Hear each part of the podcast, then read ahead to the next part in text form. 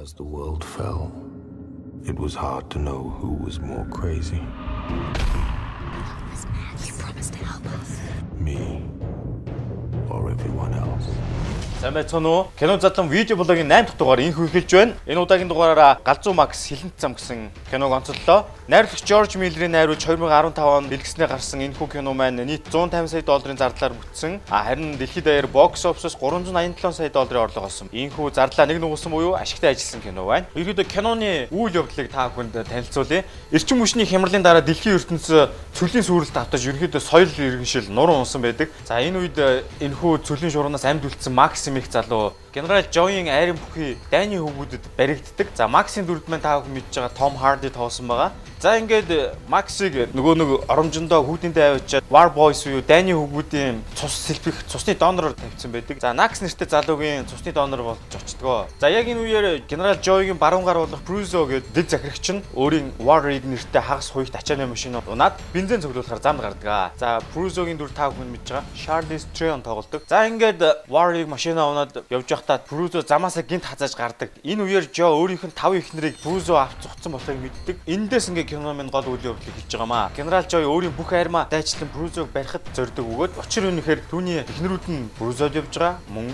жирэмсэн нэг эмэгтэй байгаа. Генерал Жой юу чухал вэ гэхээр тэгвэл эрэгтэй хүүхэд төржлэх хань чухал. Тэднийг дайч цэргүүд болгодог. За ингээд Жой өөрийн бүх армаа Брюзогийн хойноос явахыг тушааж ойролцоох газ таун болон бүгд фармнаас тусламж ир. За ингээд энэ Газуу Макс кино маань Жой арим болон Макс Брюзод туслан дээр нь тэмцэл цөлийн дунд машин зам дээр хэрхэн өрнөхийг та бүхэн энэ киноноос харах болно. За киноны найруулагч Жорж Миллер. Жорж Миллер маань 1945 онд Австралид төрсэн. Австралийн кино найруулагч, кино бүтээгч юм хүн байгаа. Та бүхэн ерөөдөө ямар киногоор нь сайн мэдхгүй гэвэл нэг Happy Feet гэдэг юм моцсон шоутай хүүхэлдэйн кино. Тэр киногоор нь бас мэддэг баг. Ер нь Жорж Миллер бол Галзуу Макс цувралын франчайз буюу өмнөх 3 ангийг өөрөө найруулсан. 79 оноос эхэлж хийсэн. А анхны анги 1979 онд гараад за хоёр дахь анги 1981 онд гараад гурав дахь анги 1985 онд гарсан байгаа. За тэрнээс хойш ингээд кино маань хийгдээгүй байж байж хагаад 98 он дөрөв дахь ангиа хийх санаагаа олсон байгаа. 95 он Жорж Миллер Warner Bros компанид ирээдүйд дахиж Галзуу Максын тухай кино хийх юм бол эзэмшигчийн хэрэг өөр дөрөө авах гэж гэрээ чадсан байдаг. 2001 онд тэрээр 20 дугаар зуун Fox кино компанитай хамтарч киногоо хийхээр тохиролцсон байсан боловч 2001 оны 9 сарын 11-ний халдвараас болж энэ кино ажил хойшлогдсон. Яасан гэхээр Америкийн долларын ханш Австрали долларын эсрэг унаад киноны төсөв огцом багассан учраас үүнийг хойшлуулахаас өөр аргагүй байсан гэж байна. Киногоо хийхээ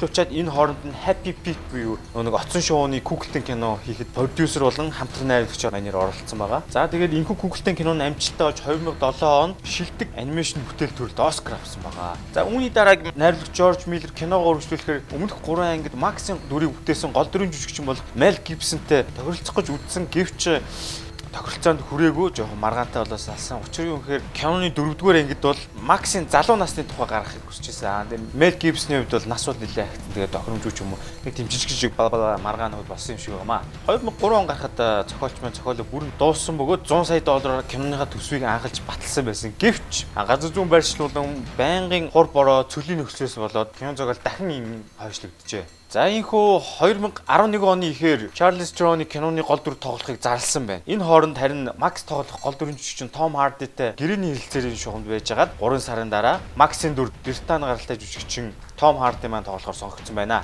2012 он гэхэд кино маань бүрэн гарч дуусна хэмээн найдаж байсан бол 3 4 дахь удаага ийхүү хойшлсон. Vita Digital компани кино үйлдвэрлэлийн хугацааг хойшлуулах санал тавьсан. Кинонд орох машинууд, энэ жижиг хэрэгслүүд, дизайн, концепт энэ бүх ажлыг хийхэд нэг 2 жилийн хугацаа орох учраас хойшлуулахаас аргагүй юм шийдэл төрсэн байлээ. За хөө ингэж явсаар 2013 оны 9 сард энэхүү кино зураг авалтанд орсон тухайн жилийнхээ 11 сард дахин нэмэлт дүрсүүдийг авсан бол. Кино зураг авалтыг Австрал болон Намиб улсад авсан. Африкийн Намибын цөлд зарим зураг авалт хийхэд бол онгон байгалыг сүйтгэж гэдэг юм уу янз бүрийн хэвлэлээр кино зураг авалтын багийнхныг муулсан, гүтгсэн тиймэрхүү мэдээг гарч байсан. Тухайн усаас нь ч гэсэн хян чалахаар янз бүрийн монголоор бол мэрэгшин хэлт гэдэг шиг хүн амтай очиж л байсан гэж хэлээ. За тэгж байгаа ямарсан кино маань дууссан. За киноны гол дүрийн жүжигчин Том Харди бол 1977 онд төрсэн одоо 41 настай англи гаралтай англи төрсэн ийм жүжигчин байна. За Том Харди жүжигчин та бүхэн ямар киногоор сайн мэдгүй бол Inception кинон дээр тоглож байсан. Хамгийн сүүлд энэ саяхан гарсан Venom гэдэг кино тоглосон байгаа. За гол дүрийн эмэгтэй жүжигчин Charles Theron бол 73 онд төрсэн 43 настай үзэсгэлэнтэй бүсгүй байгаа. Том Хардигаас 2 насаар ихч Америк гаралтай Лос Анжелес төрсэн ийм жүжигчин бүсгүй байгаа. Charles Theron-ы хамгийн сүүлд бүтээсэн кинонууд гэвэл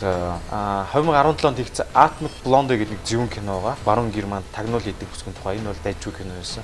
Mad Max буюу галзуу Max кино маань Оскарын шагналаас бас нэлээд ол зомгтой нэг 6 шагнал авсан байдаг. Энд нь шилдэг хувцас дизайн, шилдэг пост production, шилдэг нүүр худал, шилдэг эвлүүлэг, шилдэг дууны найруулга болон шилдэг visual effect компьютер графикийн шагнал хүртсэн байгаа. Галзуу Max киноны маань өмнөх 3 ангийг бол бид бүгд ихэнх маань үзээг байгаа. 70 оноос хойш хийж байгаа энэ киноны ерөнхий гол агуулга маань бол дандаа хүн төрөлхтний соёл иргэншил мөксний дараагийн ертөнцид хүмүүс амьдрах гад амьд гарах гад явж байгаа адал явдлыг ерөнхийдөө өгүүлдэг тийм дүр зураг зохиолтой байдаг. Mad Max кино маань бол эвлүүлийн найруулга бол маш сайн болсон кино гэж үз. Үүнийг яаж мэдхгүй гэвэл их хэлбэрхэн. Хэрвээ та кино театр кино дуусаад гарч ирж байгаа үзэгчдийн яриаг сонсоход кино хэр болсныг мэднэ гэсэн үг. Яадаг вэ гэхээр сайн киног үзчихэд гарч ирж байгаа хүмүүс болохоор киноныхаа үйл явдлыг дахин дахин ярьдаг бөгөөд тэр хэсгийг үзээд би ингэсэн тэр цочсон ч гэдэм үү. Киноныхаа үйл явдал авцсан тухайга дахин дахин ярьцгаадаг. Хүмүүс гарч ирээ сэтгэл хангалуун байна гэж үзчихэв. Тэр киног 2 цагийн турш маш нарийн төлөвлөгөөнд доор үзэгчдийг уйдаалгүйгээр үрж эвлүүлж тавьсан гэсэн үг. За та бүхэн киноны storyboard-ыг харж байна. Storyboard гэдэг бол киноны амин чухал сүнс буюу зураг авалт хийхдгээс өмнө кино бүтнээрээ цаасан дээр зурган хэлбэрээр буусныг storyboard гэж хэлж байгаа. Галзуу Макс киноны хувьд story энгийн байдлаас арай өөр буюу комик зурган байдлаар хийсэн байгаа. Энэ бас тухайн үед шинэлэг болж исэн ихэнх storyboard-ыг зүгээр гар агаар зурчдаг байхад энэ бол яг манга, аниме уншиж байгаа юм шиг комик байдлаар хийсэн байгаа. За энэ зураг авалтын багийнхан ажлын төлөвлөгөө ярьж байна. Өрөөний хан дээр тойроод 3500 панел ширхэг юм storyboard харагдаж. 120 хоногийн турш зураг авалж явагдсан бөгөөд кино жүжигчид болон кино багийнхан тоос шороонд бүр бүрэн дасан зөгцсөн буюу шороо тоос бол бидний найз юм аа хэмээн инээлтэн ярьж байсан. За энэ тав компьютер графикийн visual effects-ийг харж нийтдээ 2000 удаагийн компьютер графикийн жижиг жижиг хэсгүүд орсон байгаа. Киноны авсан бүх түүхийн материал дүрсийг нийтгэх юм бол 480 цагийн материал болж байгаа. Үүнийг эхнээс нь бүгдийг үзээ суух 3 сарын хугацаа шаардагдсан. Яагаад ийм их цагийн материал үүсч ийнэ гэвэл нэг сийн үйл явдлын зураг авалт гэхэд дор хаяж 10-аас 20 цагийн материал байна гэсэн. За зураг авалтын түүхий дүрсийг та бүхэн харж байна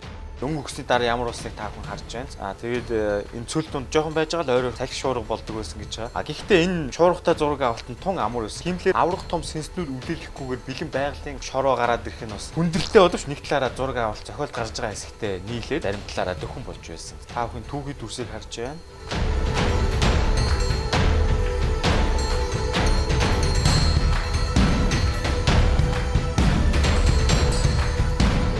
Дайны хөвгүүдэд олдогдож байгаа хэсгийн storyboard-ыг та бүхэн харж байна. Түүний машиныг онголтуулдаг байгаа. Бэлдсэн цэгүүдээр онголтуулж тест хийж байна. Энд зориулсан 2 3 машин бэлдээ тавьсан байдаг. Тусгай ордон тоглогч буюу мэрэгжлийн жолооч жолоодож гүйцэтгэж байгаа. За тэр хүнийг та бүхэн одоо энд харж байна. Машиныг жолоодж байгаа жолоочийг гэмтээхгүй тул кавин хэсэг дээр нэмэлт маш их бэхэлгээ давхарг хийдэг. Ордон тоглогч мэрэгжлийн жолооч маань гарч ирж байна. Генерал Жойн армийн цэргүүд буюу түүний төлөө ань насаа өхөөс буцдгоо дайны хөвгүүдийн камикадзе операци хийдэг хэсгийг харагдж байна. За энэ бол өөрийгөө золиосч дайсныхаа үнийг устгах гэсэн үг. Энэ унжгаа хэсэг хийхэд бол ачааны машин дээр маш олон тооны төмөр каркас зангидж нэг ёсондоо баг зэргийн кран хийсэн байна.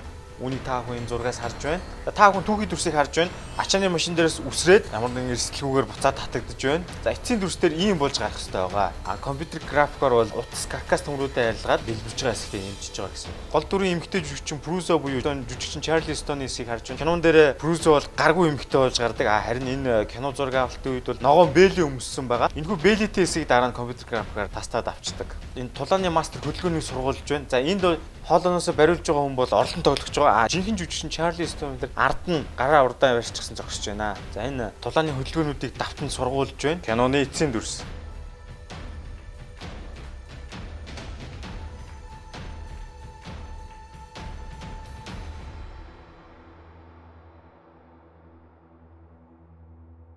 Фит буюу 150 м гаруй тийм доошоо ингэж харайж бууж байгаа хүнтэн зураг автыг харж байна. За үүнийг яаж хийсэн бэ гэхээр мотоциклтай хүнээ дээрээс нь ийм кабель караар татаж тэгж энэхүү эвгүй хавцлаас буулгасан байгаа.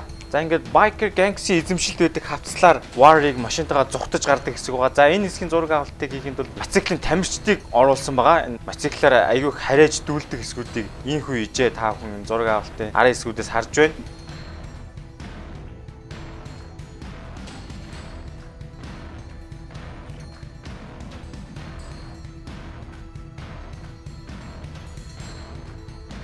Joy генералын цэргүүд бол дайны өвгүүдийн машин дээр байдаг ийм савлуур байдаг. За үүнийг яг Кёндер албаусны хэлэг нь Paul Kate гэсэн мэлээ зураг авалтын явцад хөнгөн төртлгүүгээр хийхин тулд 4-7 хоногийн тур сургуультыг хийсэн бид эхлээд зүгээр хөдөлгөөнгөө машин дээр хийснээр дараа нь ингээ машин явж байх сургуулт хийж орлон тоглогч маань энэ дээрээ сургуулт хийж бүрэн дасан зохицсон байгаа. За ингээд Canon-ы зураг авалтын хэсэг харагдаж байна. Энэ савладаг турбо маань ерөөдөө 6 м урттай 100 кг-ийн хүн суугаад хөдлөхөд даах чадвартайгаар хийсэн байгаа. Гол дүр Max маань ингэж зурладаг хэсгийг зураг авч байна. За ингээд Canon-ы эцсийн дүрсийг харъя.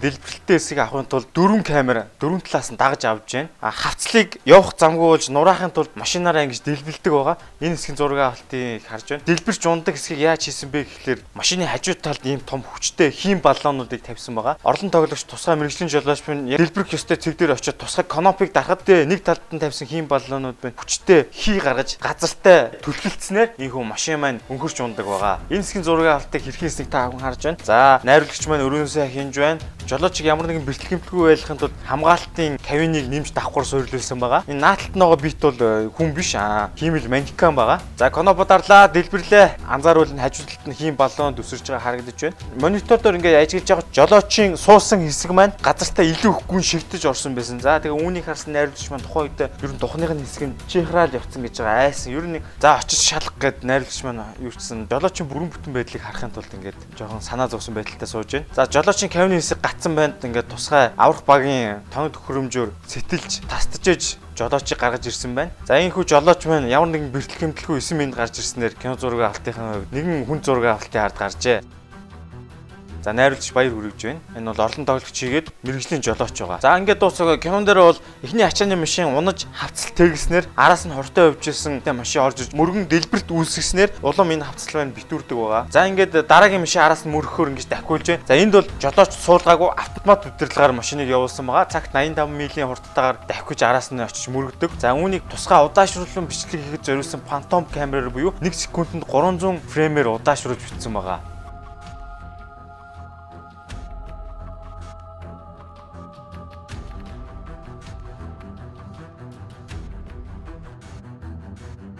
Ингээд үргэлжлүүлэн эцсийн дүрсийг ямар усныг харъя.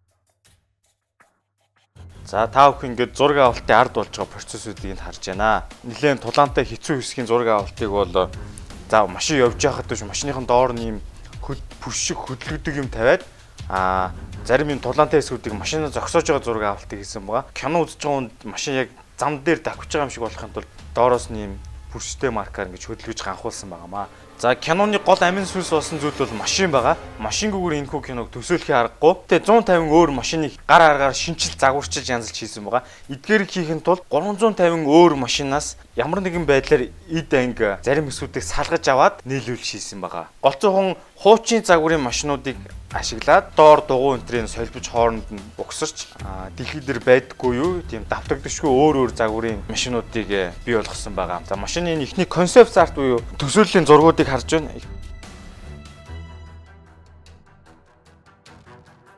Машинуудыг хэрхэн хийж угсарж байгаа дүрсүүдийг харж байна.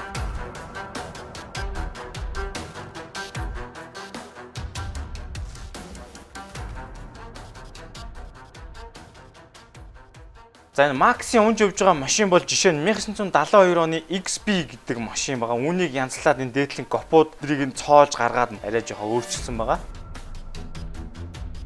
Нэмэлтээр хийсэн энэ тоноглол хорлон сүдэх зэвсгийн хэсгүүдийг харж байна. Зам дээр хайдаг өргөс, буудагч, жад зэрэг харагдаж байна. Олон төрлийн машинуудыг гар агаар шинээр загварчилж хийсэн байна.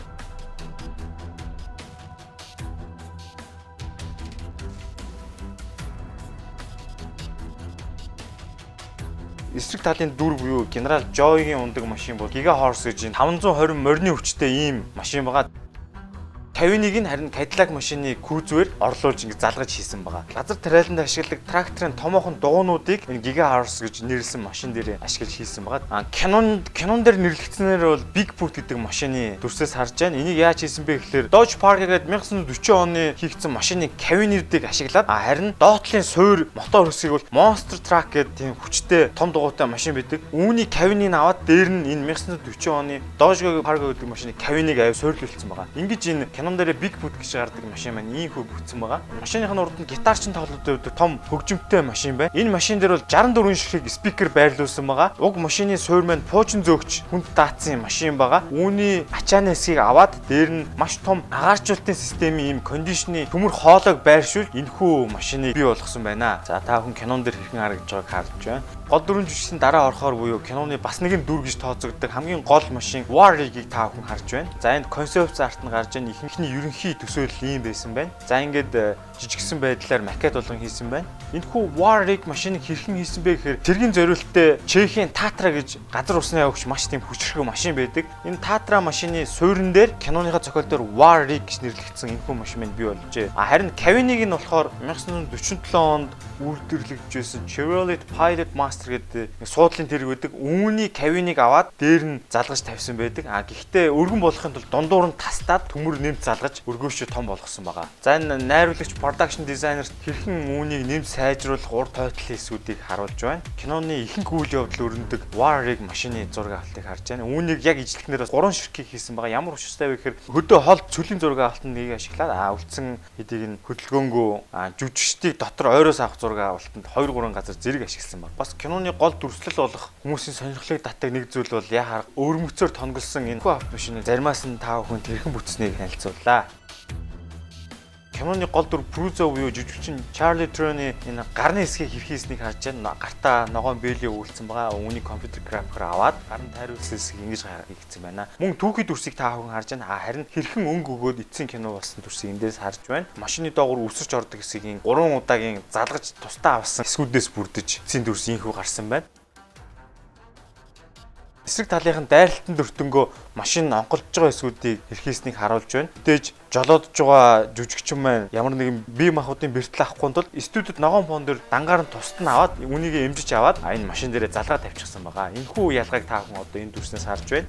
За киноны хөгжмийг Том Холкенбург гээд Нидерланд гаралтай хүн хийсэн байгаа. Энэ ах болохоор 1967 онд төрсэн буюу 57 настай электроник чиглэлээр хөгжим бүтээл төрөвдөг битмейкер хүн байсан. Mad Max кинон зориулж тийм хүнд электроник хөгжим хоцолсон Dark Eye-нуудыг шинээр зохиож бүтээсэн байгаа. Жинхэнэ нэр нь Том Холкенбург боловч а ерөөдөө тайсны нэр гэж ярьдаг. А урлагийн олон танигдсан нэр нь бол Janka XL гэдэг нэртэй хүн байгаа. Хүмүүс өөрсдийгөө сүнөөсөн дэлхийгээс эргээд гэр орон сэтгэл зүрх үржил шимтэй хөрс зэрэг ногоон өнгийг хайсан эрэл хайгуулын тухай өгүүлдэг Mad Max кино маань энд хүрээд өндөрлж байна. Ингээд кино задлан видео блогийн 8 дахь дугаартай хамт байсан та бүхэнд баярлалаа. Эх 7 хоногийн лав гарагт иргэн уулзлаа түр баяртай.